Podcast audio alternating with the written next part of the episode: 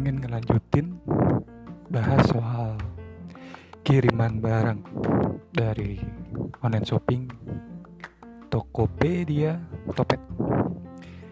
Ya setelah tadi udah cerita-cerita panjang ya kan kecewa bahagia apa semua. Dan akhirnya datang juga yang ditunggu-tunggu dalam artian yang kemarin yang saya cerita itu karena udah sebelumnya ngalamin yang gak enak akhirnya sampai ngajuin pembatalan perlu diproses. Terus ditanyain kenapa? Mau dibatalin kak? Saya bilang aja ya misalnya kualitasnya agak meragukan. Terus juga beli banyak takutnya zong bukan buat saya juga buat orang lain ya kan? Buat bocil-bocil ponakan. Takutnya mengecewakan ya kan? Terus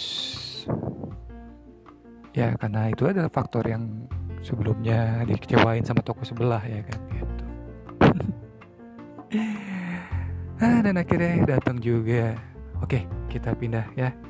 Ke kamera depan